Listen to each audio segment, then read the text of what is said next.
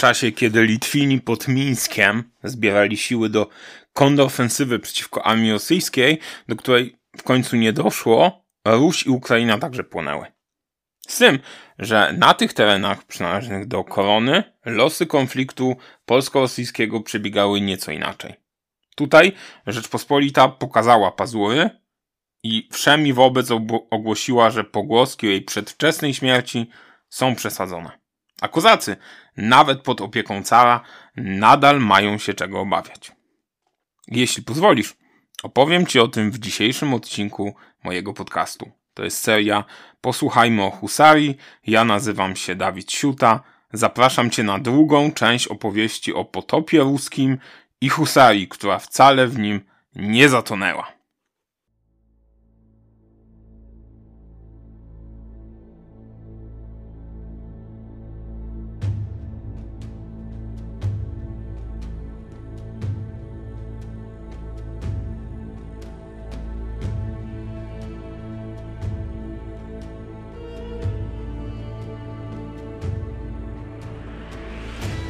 Słuchacie podcastu Dawid Siuta w historii, a to jest nowa seria Posłuchajmy o Husarii. Omawiam w niej temat, o który wielokrotnie prosiliście, a który teraz zgodnie ze swoimi obietnicami dla Was nagrywam. W każdym z odcinków będę omawiał kolejny etap rozwoju skrzydlatej jazdy. Ikony polskiej wojskowości i symbolu największych zwycięstw. Zapraszam więc do słuchania moich opowieści. Posłuchajmy o husarii.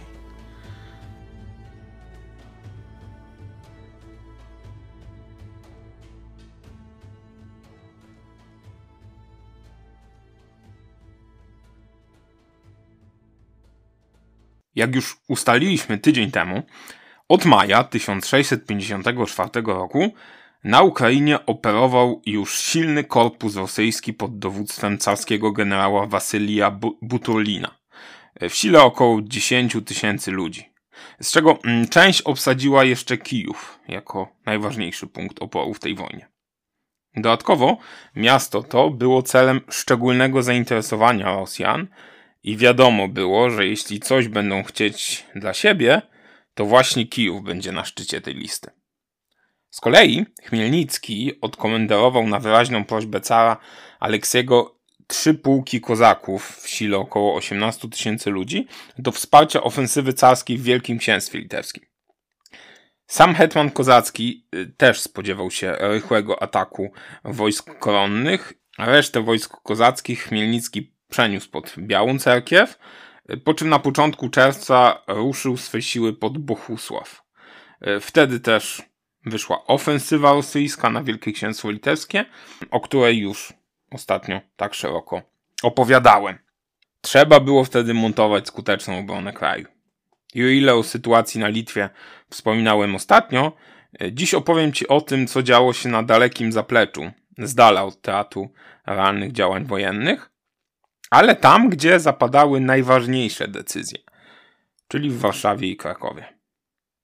Aby przeprowadzić skuteczną obronę, trzeba było, no właśnie, czego? Zgadłeś, pieniędzy. I o zbieraniu tychże pieniędzy opowiem Ci najpierw, a później skupimy się na kampanii na Ukrainie oraz na Litwie. Najpierw o pieniądzach. Tych w rzeczywistości polskiej XVII wieku nigdy w skarbcu nie było. Dlatego właśnie na szybko trzeba było zwołać kolejny w tym roku Sejm, E, które mówiąc najprościej sypnął groszem. A gotówki potrzeba było nie tylko na obronę kraju przed Rosjanami. Powiększenie armii było co prawda najważniejszą potrzebą, ale nie jedyną.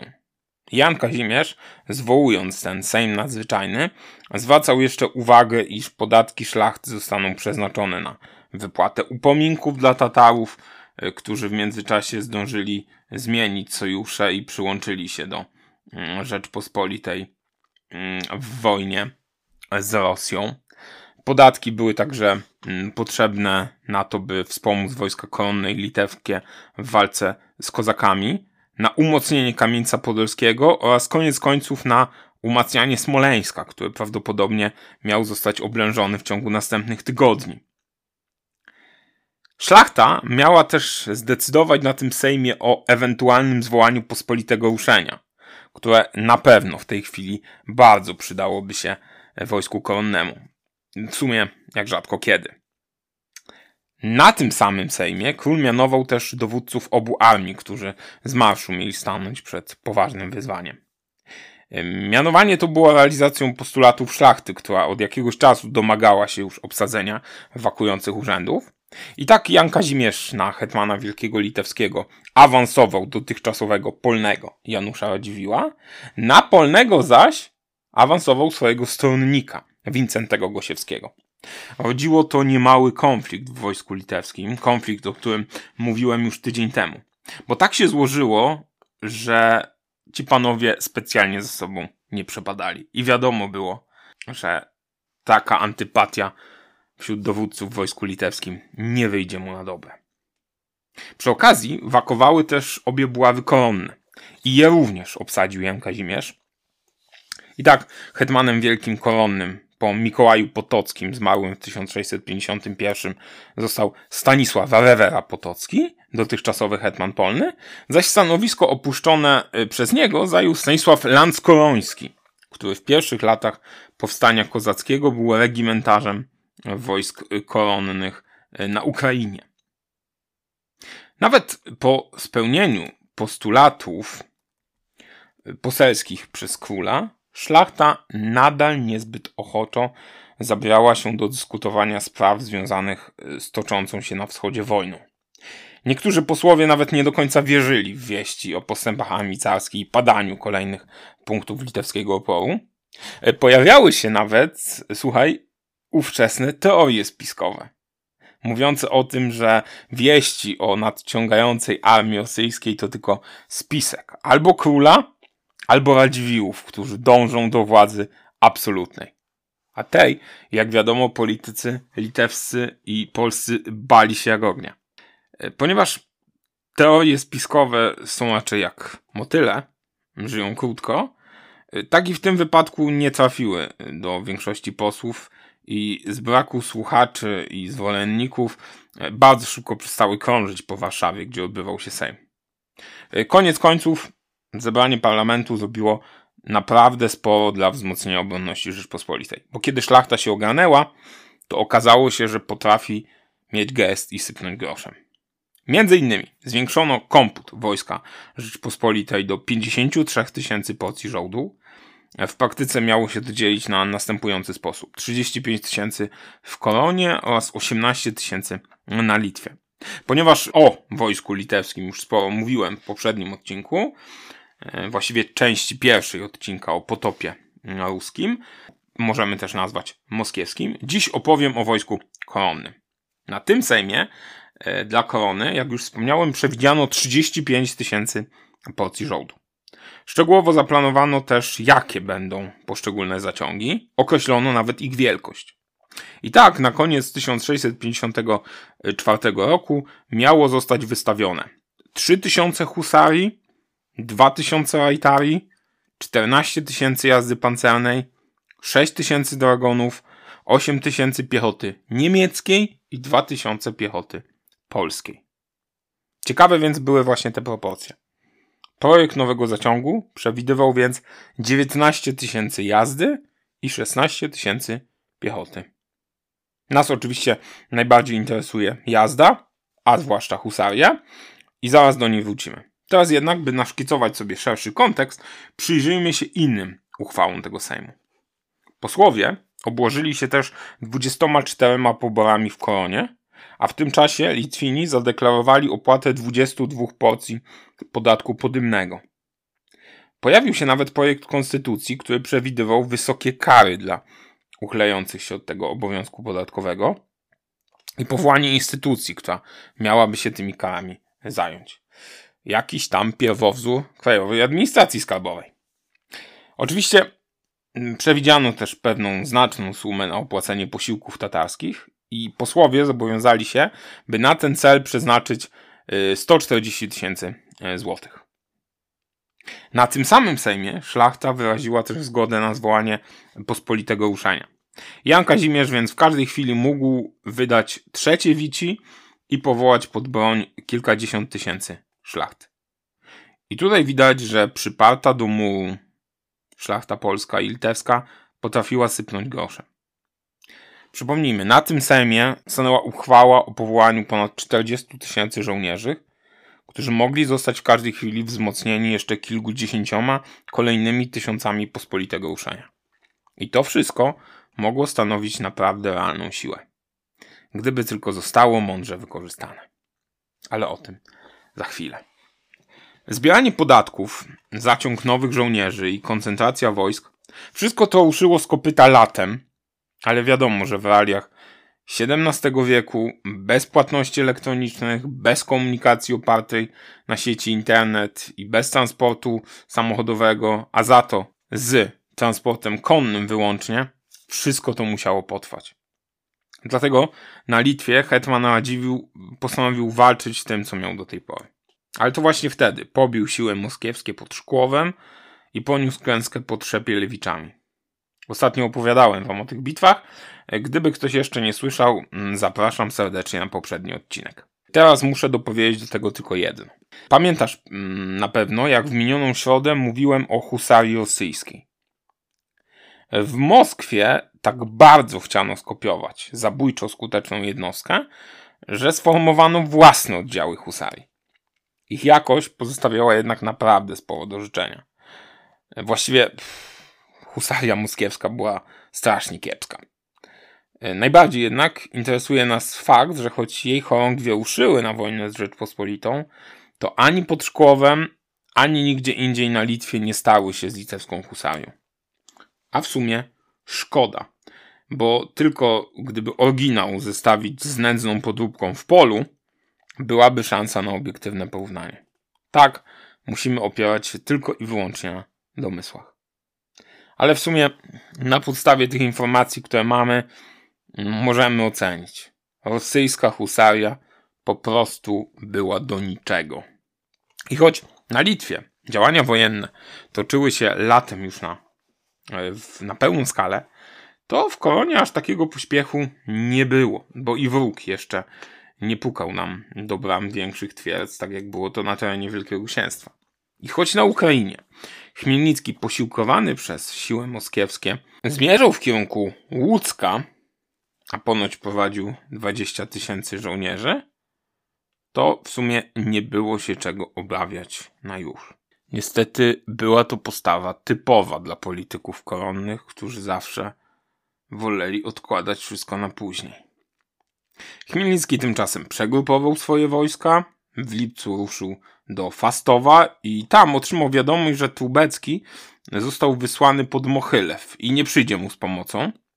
Oprócz tego car zażądał od wodza kozackiego, by ten ruszył z pomocą siłom rosyjskim na terenie Wielkiego Księstwa Litewskiego, ale Chmielnicki odmówił wykonania tego rozkazu, obawiając się, że armia koronna może wejść na jego tyły, a to prawdopodobnie rzeczywiście zakończyłoby się katastrofą powstańców.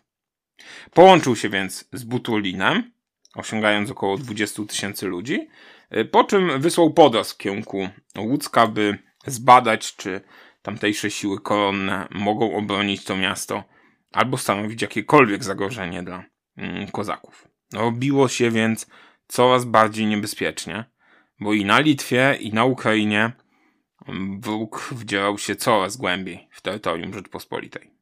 I już możemy śmiało powiedzieć, że był to prawdziwy potop.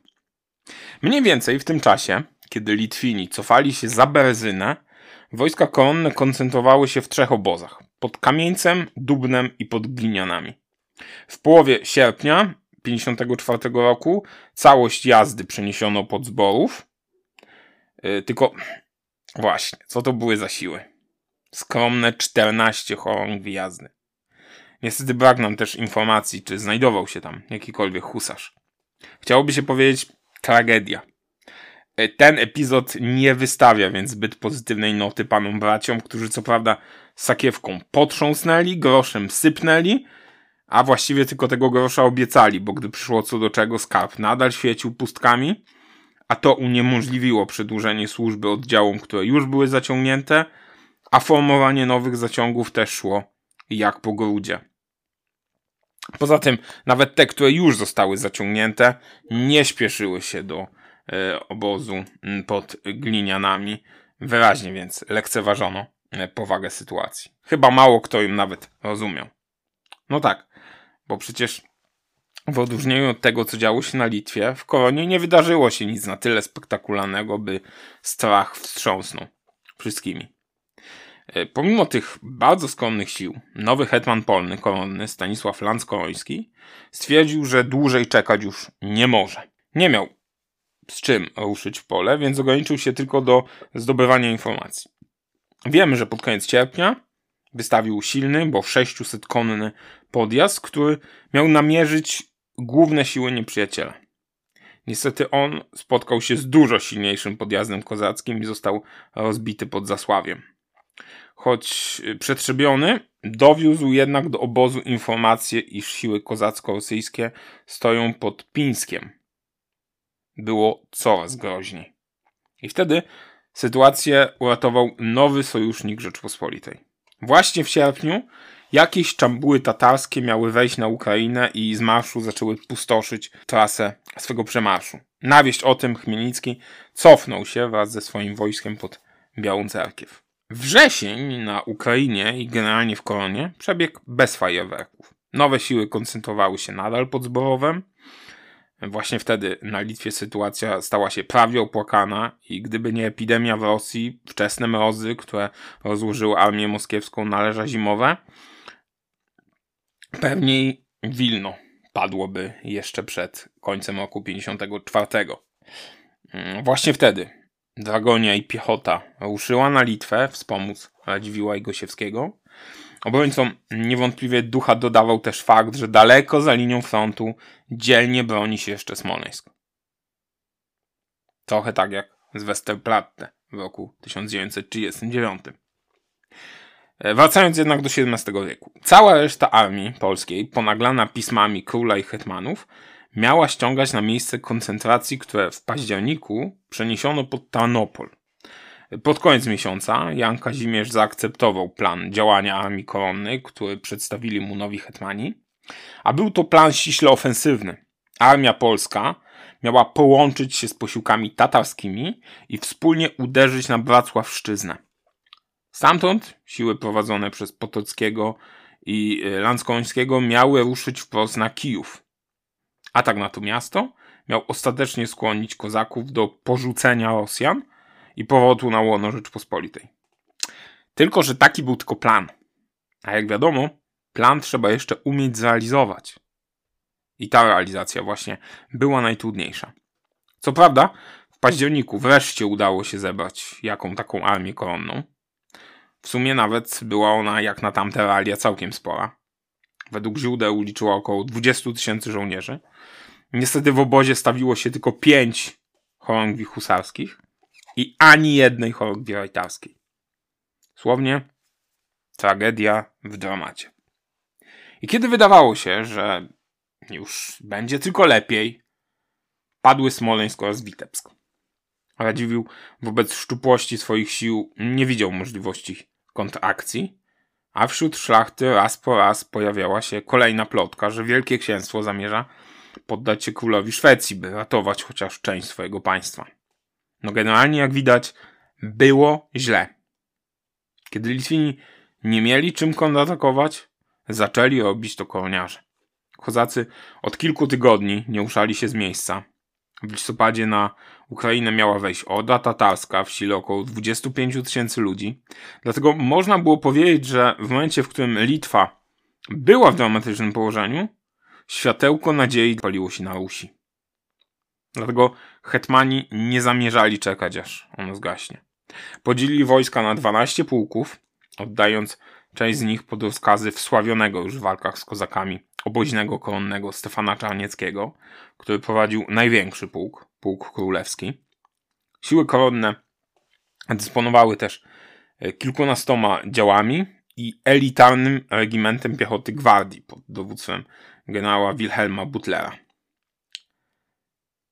Wojska te, wojska polskie, na przełomie października i listopada ruszyły z obozu pod Tarnopolem w kierunku Baru.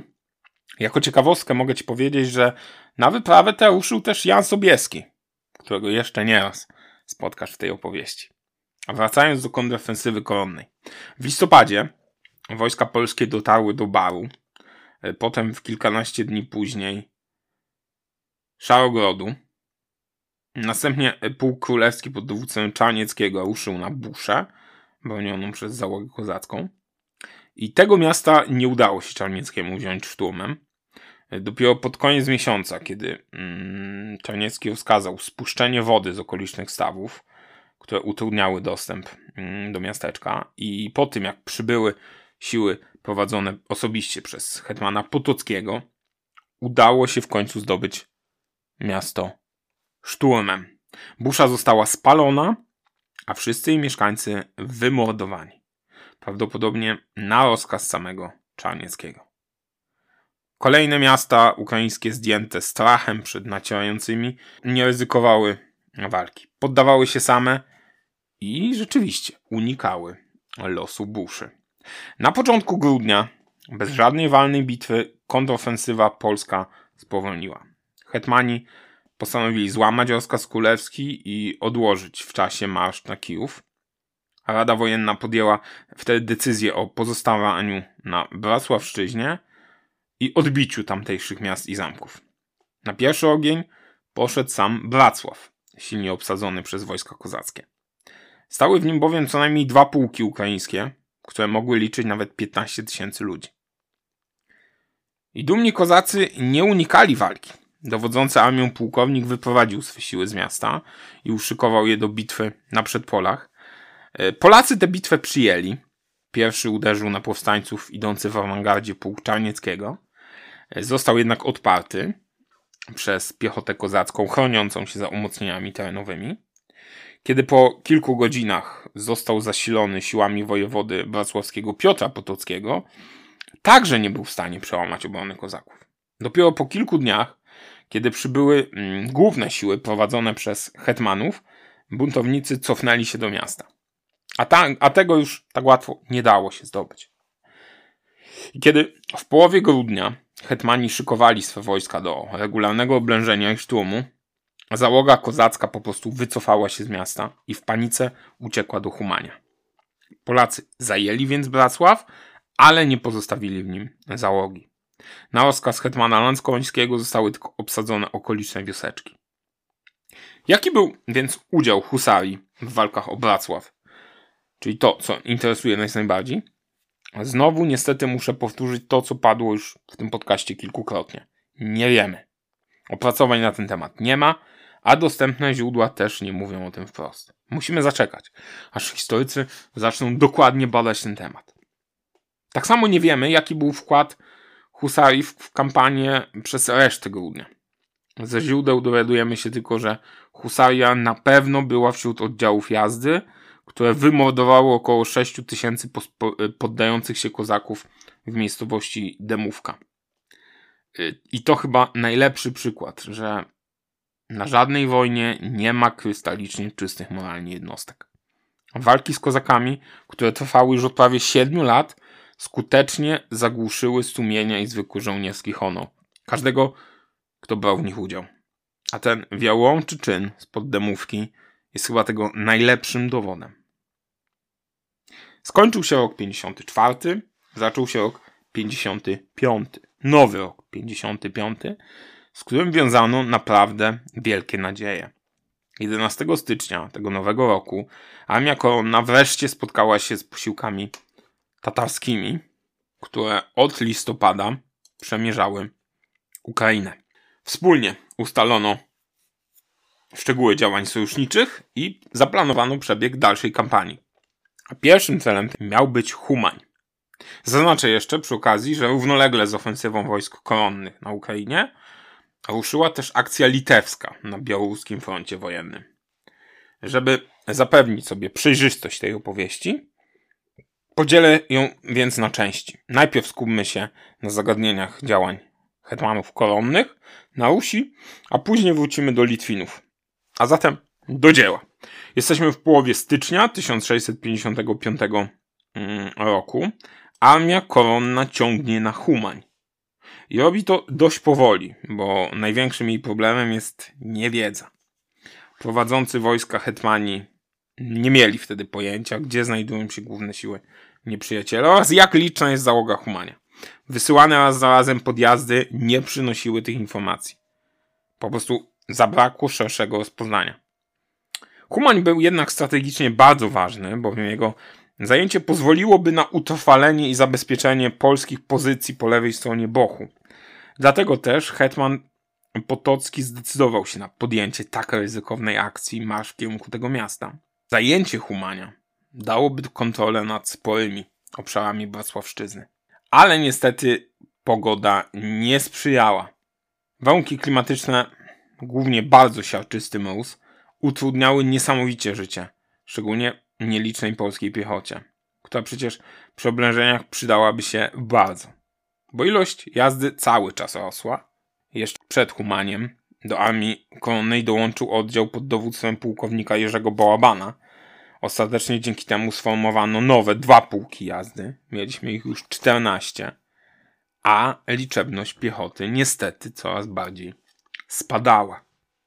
No a przy okazji, ile liczył ten cały pułk jazdy, o którym wspomniałem przed chwilą? W XVII stuleciu w wojsku Rzeczpospolitej pułk nie był jednostką taktyczną w kampanii, lecz jednostką organizacyjną na leża zimowe.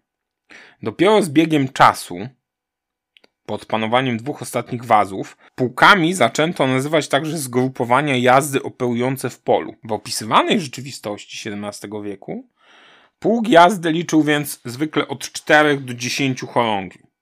Rozbieżność spora. Na czele takiego pułku stał rotmistrz jednej z tych chorągwi, które się na pułk składały. Nie możemy jednak określić ani rzeczywistego stanu takich pułków, ani ich liczebności, bo często było to bardzo płynne. Najpotrzebniejsze pododdziały, a takimi były m.in. roty, husarii czy regimenty dragoni, po prostu przerzucano z pułku do pułku, tam gdzie akurat była potrzeba. Ale wracając pod Humań. Połączone wojska polsko-tatarskie dotarły na przedpola miasta 25 stycznia. Nie zaatakowano jednak z marszu, bo podjazdy doniosły, że zbliżają się główne siły Chmielnickiego. Wobec tego armia koronna odeszła nieco na północ. Tam siły Czarnieckiego i Lanskońskiego wybiły niemałe siły kozackie, jednak z uwagi na to, że nadciągała większa armia buntowników sprzymierzonych z Rosjanami, nie zdecydowały się na pościg. Hetman Wielki Koronny Stanisław Potocki zdecydował się wydać nieprzyjacielowi bitwę właśnie pod Ochmatowem, którego to załogę nękały siły Czarnickiego i Lanskońskiego. Swoje wojska hetman ustawił w szachownicę, wedle sprawdzonego już w walkach z kozakami szyku holenderskiego. A ilu dokładnie żołnierzy znalazło się pod Ochmatowem? Około 20 tysięcy sił koronnych i mniej więcej tyle samo Tatarów. W związku mm, z brakiem komputu nie możemy do końca jasno określić, jaki był skład wojska koronnego. Z ogromną dozą prawdopodobieństwa możemy jednak powiedzieć, że znalazło się tam około 5 chorągwi husarskich, czyli 600-700 koni. Jej udział ilościowy pod Ochmatowem można więc określić na 3,5% wśród wojsk koronnych. Mało. Bardzo mało. Jak na armię, która jeszcze niedawno wystawiała po kilkanaście chorągwi tego typu. Z powodów, o których już kiedyś wspominałem, w tej kampanii było husarii jednak tak niewiele. Bo pięć to naprawdę mało. Do porównania warto dodać, że w tej samej armii było jeszcze 87 chorągwi pancernych, 11 tatarskich, nie mylić z posiłkami tatarskimi, 10 wołoskich, a nawet 7 regimentów dragoni. Husarii było więc bardzo mało. A równie mało było artylerii, około 15 dział. Do tego jeszcze byli sojusznicy. Tylko i wyłącznie jazda, około 20 tysięcy konnych żołnierzy tatarskich.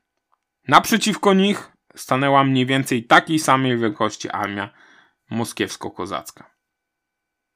Z jedną tylko ważną różnicą.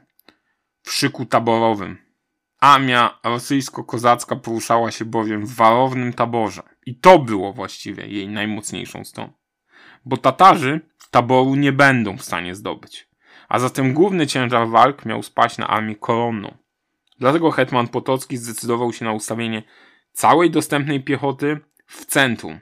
Tutaj też stanęły wszystkie obecne na polu bitwy chorągwie husarii. Starcie pod Ochmatowem rozpoczęło się 29 stycznia po zmierzchu od frontalnego uderzenia ciężkiej jazdy. Zgodnie z relacją samego e, hetmana Stanisława Potockiego, walki tego dnia trwały 3 godziny. Szarza husarii pancernych dosłownie zmiotła siły kozackie i rosyjskie stanowiące osłonę taboru, a impet natarcia był tak duży, że dosłownie wbił się klinem i rozdarł tabor e, kozacki. E, siły przeciwnika wpadły w panikę i dosłownie rzuciły się do ucieczki. Polska piechota, która w uderzeniu szła w drugim rzucie, nie mogła jednak przeprowadzić skutecznego ataku, ponieważ blokowali ją żołnierze jazdy, którzy z marszu po rozbiciu paru y, chorągwi kozackich rzucili się do rabowania dobytków. I właśnie wtedy Chmielnicki y, postanowił kontratakować. Nakazał jeździe kozackiej uderzenie z głębi taboru i to właśnie odrzuciło siły polskie, które wycofywały się zbierając łup. Przy okazji zdobyto też 20 dział. W taborze pozostała jednak piechota i dragonia, która po zaciekłej walce również została wyparta. Walki 29 stycznia zakończyły się powrotem każdej ze stron na wcześniejsze pozycje. I wydawało się, że drugiego dnia bitwy będzie już tylko lepiej. Wydawało się, że Ochmatów zakończy się sukcesem równie wielkim jak Bersteczko. Jednak drugiego dnia bitwy tabor kozacki rozpoczął odwrót. A Tatarzy zostali przekupieni przez Chmielnickiego i po prostu odpuścili wrogowi. Osamotnione siły Rzeczpospolitej nie były w stanie same zatrzymać odwrotu taboru kozackiego, który po prostu wymknął się z pola bitwy i uniknął zbicia. Choć artyleria koronna robiła co mogła i skutecznie wstrzeliwała się w obóz wroga, nie mogła już zmienić sytuacji. Po tym jak 1 lutego wróg dotarł do Ochmatowa, walka nie miała już sensu. W tej nieostrzygniętej bitwie po polskiej stronie padło około 600 żołnierzy. A jaki był wkład w nią husarii? Pewnie taki jak i całej jazdy. Zapewne też poszła ono do szarży pierwszego dnia, a potem rzuciła się do rabowania zamiast myśleć o dalszej walce. Na pewno mogę powiedzieć tylko, że dosłownie utonęła w masie jazdy innego typu, bo było jej już tak niewiele. Dalsze wydarzenia lutego 1655 roku to już powolny upadek tej kampanii. Armia polska po bitwie pod Ochmatowem wycofała się na zachód. Hetman Wielki zdecydował, żeby odesłać w głąb kraju piechotę, której w tych okolicznościach, przy tych mrozach, groziła szybka zagłada. Około 15-16 lutego armia kolonna dotarła nad Boch. Hetman polny Lanskoroński, idąc w straży tylnej dysponując swojej dywizji około 10 tysiącami jeźdźców, jeszcze próbował walczyć z siłami kozackimi, ale niestety były już, tylko, były już to tylko ostatnie podrygi. Przekonywali do kontynuowania walki także Tatarzy, którzy jednak z uwagi na opłakaną sytuację armii koronnej otrzymali od hetmana Potockiego podziękowanie za służbę i mogli odejść. W połowie lutego sam Potocki, zabierając piechotę i artylerię, odszedł i udał się do Lwowa. Cała reszta wojsk, licząca nie więcej niż 10 tysięcy jazdy, pod hetmanem Lanskorońskim, wojewodą Tyszkiewiczem i Stefanem Czarnieckim, kontynuowała za to sianie terroru na, na Bracławszczyźnie. Wespół z Tatarami. Cel tej misji bardzo dobrze opisał zresztą sam Tyszkiewicz w liście do wojewody brzyskiego, który napisał Mieliśmy plądrować Ukrainę. Do tego właśnie ograniczyło się więc zawodowe wojsko w 1655 roku. Nie do walki jak równy z równym z armią wroga, ale do pacyfikacji, grabieży i rabunku. Przyznasz, że jest to trochę mało szlachetna wizja tego, co myśleliśmy o armii koronnej i husarii, która niestety w tej kampanii pacyfikacyjnej także wzięła udział. Tragedii było jednak więcej. Podczas tej kampanii polscy dowódcy pozwolili Tatarom na wybieranie jasyru, czyli branie w niewolę ludności z podbijanych terenów. Często właśnie polskiej ludności. I tak od lutego następował totalny rozkład armii koronnej, której jeszcze na dodatek po raz kolejny nie wypłacono żołdu. Doszło nawet do tego, że żołnierze koronni, w tym i niestety husarze, organizowali dla Tatarów prawdziwe polowania na ludzi. Okropna wizja kompletnego upadku morale w armii koronnej. A od marca ta armia zaczęła rozpadać się dosłownie. Po rozłożeniu na leża zimowe nastąpiły masowe dezercje. Wiele chorągwi właściwie przestało istnieć. Zaległości w wypłacie rządu, tragiczne warunki bytowe i upadek morale sprawiły, że kiedy siły koronne w połowie marca i kwietnia cofały się na Ruś, liczyły już tylko 10-15% stanu początkowego. Korona więc znowu właściwie pozostawała bezbronna. A jak wojna zimowa wyglądała na Litwie? Tak jak mówiłem wcześniej, kontrofensywa litewska pod buławą tamtejszego hetmana wielkiego ruszyła równolegle z kołniorzami na początku stycznia. Co prawda, sam Radziwiłł chciał zaczekać z tym do wiosny, ale z uwagi na naciski króla, regalistów litewskich, a nawet część własnych stronników, zdecydował się przyspieszyć kampanię. Co prawda, nie dysponował siłami tak licznymi jak Polacy, nie mógł też liczyć na posiłki tatarskie, ale całość armii litewskiej mogła przekroczyć nawet 15 tysięcy żołnierzy. A gdyby doliczyć do tego jeszcze wszystkie oddziały prywatne, mogłoby to być nawet 18 tysięcy żołnierzy. I tak jak mówiłem, Radziwiłł miał do dyspozycji trzy chorągie husarskie, a hetman polny Gosiewski także trzy. Łącznie około 800 koni. Głównym celem litewskiej kontrofensywy zimowej miało być odbicie twierdz na linii Dniepru, zwłaszcza zaś Oszy, Mochylewa oraz Starego i Nowego Bychowa. I właśnie to ostatnie miasto Hetman Wielki wybrał mu na pierwszy cel swojego uderzenia. Być może dlatego, że stacjonował tam jedynie ośmiotysięczny pułk rosyjski, dodatkowo bardzo wykrwawiony w jesiennych starciach z Litwinami. Być może Hetman Wielki miał nadzieję, że Nowy Bychów będzie łatwym łupem. Niestety, tak się jednak nie stało. Na początku roku armia litewska ruszyła spod Mińska na wschód, po drodze rozbijając jedynie niewielkie siły wroga. 14 stycznia siły te, liczące około 14 tysięcy żołnierzy, obległy Nowy Bychów. Ponieważ y, wśród tej armii ponad połowę stanowiła jazda, Radziwiłł rozpuścił ją po okolicy celem paraliżowania wroga. I do takiej właśnie misji wyznaczył też husarię. Oblężenie Nowego Bychowa przebiegało początkowo całkiem spokojnie i pomyśli Litwinów. Dowodzili nim hetman polny Wincenty Gosiewski oraz książę Bogusław Radziwiłł, zastępując złożonego chorobą hetmana Janusza Radziwiła. Po dziesięciu dniach regularnych działań obrężniczych i ostrzału armatniego z dział, których w armii litewskiej nie było za dużo, nastąpił szturm generalny. Niestety przez wzajemne niechęci obu dowódców zakończyło się one, zakończył się on klęską. Po tym szturmie zrezygnowano już z dalszych ataków na twierdzę. Mały sukces udało się odnieść jedynie zagonowi jazdy, które Radziwiłł rozpuścił po okolicy e, Mochylewa i Bychowa. Jeden z takich zagonów, dokładnie zagon jazdy pancernej, który w połowie stycznia dotarł pod Orsze, wdarł się do tego miasta i porwał stamtąd wojewodę, którego potem przywleczono przed oblicze Radziwiła. Zajęto też parę mniejszych miejscowości.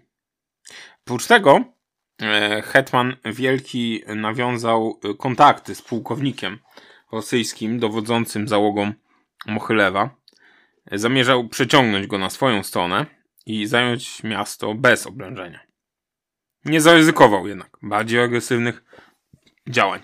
Jak dziś wiemy, oczekiwał na wieści z Ukrainy, gdzie kontrofensywa sił koronnych właśnie wkraczała w decydującą fazę. Jednak na początku lutego, kiedy odebrał informację o tym, że bitwa pod Ochmatowem została nieostrzygnięta, a armia koronna cofa się z powrotem na zachód, Radziwił także odstąpił od oblężenia Nowego Bychowa. Dla blokady tamtejszej załogi pod miastem pozostawił jedynie kilka lżejszych chorągwi, a resztę sił poprowadził na północ, pod Mochylew. W dzień świętego Walentego armia litewska dotarła pod miasto i okazało się, że otwartych bram nie będzie. W dzień później Rosjanie odmówili też honorowej kapitulacji, a zby zademonstrować swoją siłę, wojewoda y, postanowił nawet wyprowadzić za mury miejskie piechotę i ustawił ją w szyku bitewnym.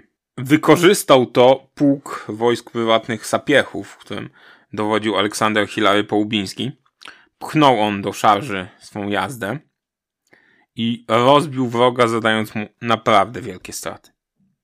Najprawdopodobniej była to jego osobista inicjatywa, ponieważ póki co Hetman Wielki raczej próbował zająć Mochylew bez walki. Po tym wydarzeniu jednak zrezygnował z tych planów i nakazał rozpoczęcie oblężenia. Nie udał się też numer z otwieraniem bram przez pułkownika Pokłosińskiego, z którym wcześniej korespondował Radziwił. Trzeba było szturmować. I przy tym szturmie znów wykorzystano jazdę. Częściowo spieszoną, ale większość walczyła tak jak umiała najlepiej, czyli z grzbietu końskiego. Tak właśnie do walki poszła husaria z dywizji lewego skrzydła, której dwie chorągwie weszły do miasta przez zamarzniętą rzekę. Po ciężkich bojach została jednak odparta i wyrwała się z Mochylewa przez jedną z bram miejskich. Jednak straty były znaczne.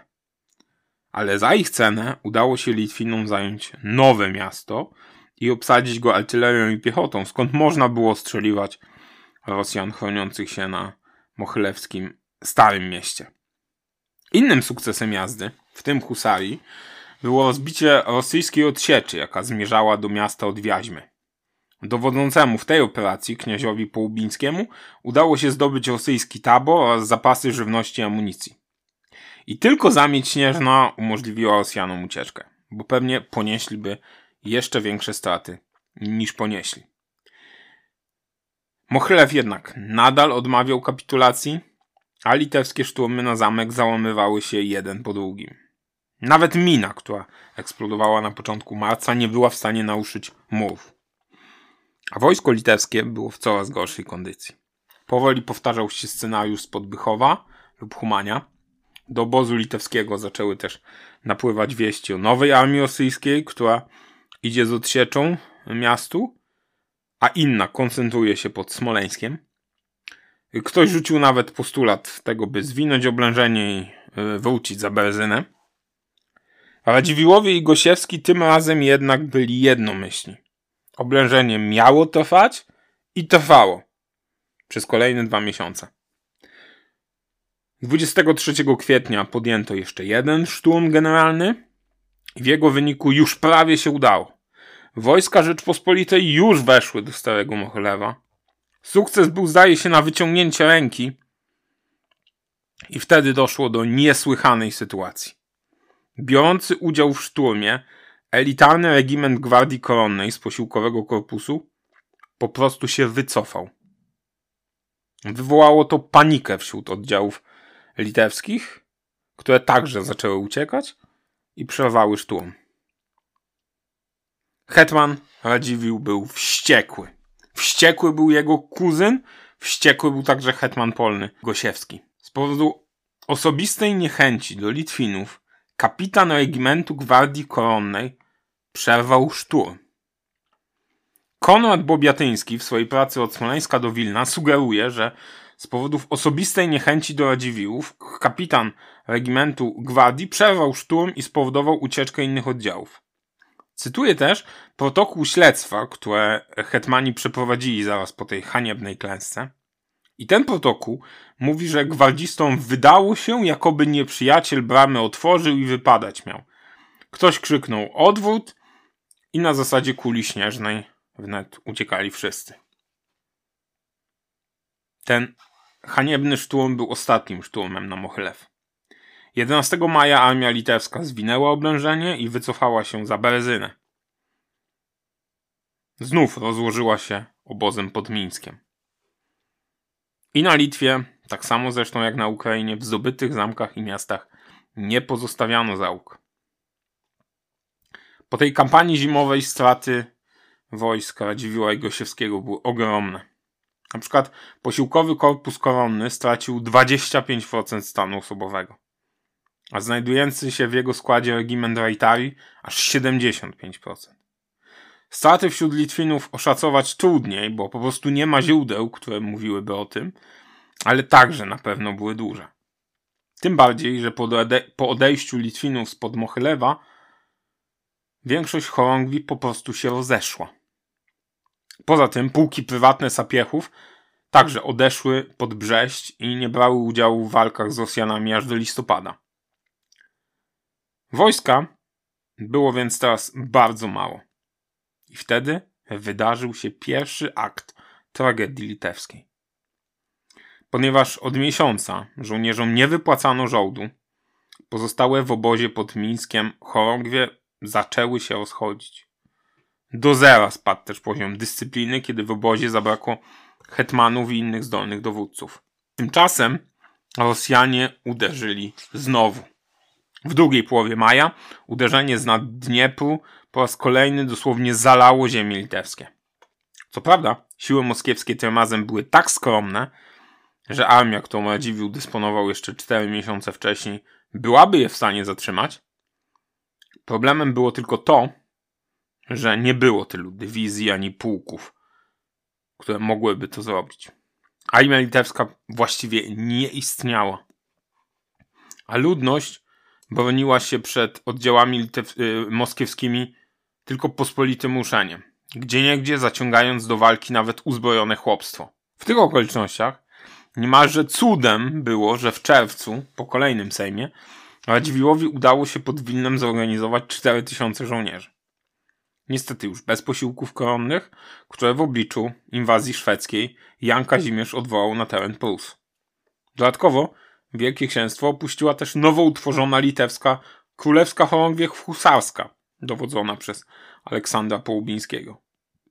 A ilu było husarzy w pozostałej części armii litewskiej? Najprawdopodobniej już tylko dwie chorągwie. I obie znalazły się w składzie armii rozbitej przez Moskali pod Wilnem na początku sierpnia. I obie poniosły tam znaczne straty. Litwa po raz kolejny została zalana wodami potopu moskiewskiego. I to prawie cała. Nie lepiej było też na Ukrainie, która w ogromnej, którą w ogromnej większości kontrolowały siły kozacko-rosyjskie, które powoli podchodziły pod Lwów i Zamość. Możecie to zobaczyć na mapie, do której link wklejam w opisie. Znajdziecie tam też kilka fachowych opracowań na temat wojny polsko-rosyjskiej, które serdecznie polecam. Było źle? Nie. Było tragicznie. I wtedy na topiącą się Rzeczpospolitą spadł kolejny cios. Tym razem z północy. I więcej na jego temat i o tej kolejnej zawierusze, powiem następnym razem. Drogi słuchaczu, bardzo dziękuję Ci za uwagę dziś. Mam nadzieję, że przez ten czas dowiedziałeś się czegoś ciekawego. Zachęcam Cię do polubienia odcinka, zostawienia komentarza, czy nawet subskrypcji kanału, jeśli słyszymy się na YouTubie. A jeśli słuchasz mnie na Spotify, proszę Cię o ocenę tego materiału. A niezależnie od platformy, zachęcam Cię, byś udostępnił ten odcinek znajomemu albo po prostu w mediach społecznościowych. Zbudujmy razem społeczność pasjonatów historii. I mam dla Ciebie jeszcze jedno specjalne, króciutkie ogłoszenie. Od niedawna możesz też przeczytać moją książkę. Ten króciutki e-book jest fajnym wprowadzeniem do tematyki husarii. Mam nadzieję, że Cię zainteresuje. W każdym razie już można go kupić. Link do niego też wrzucę do opisu. Z góry dziękuję za zakup i życzę miłej lektury. I w ogóle miłego tygodnia. I do usłyszenia w kolejnej opowieści.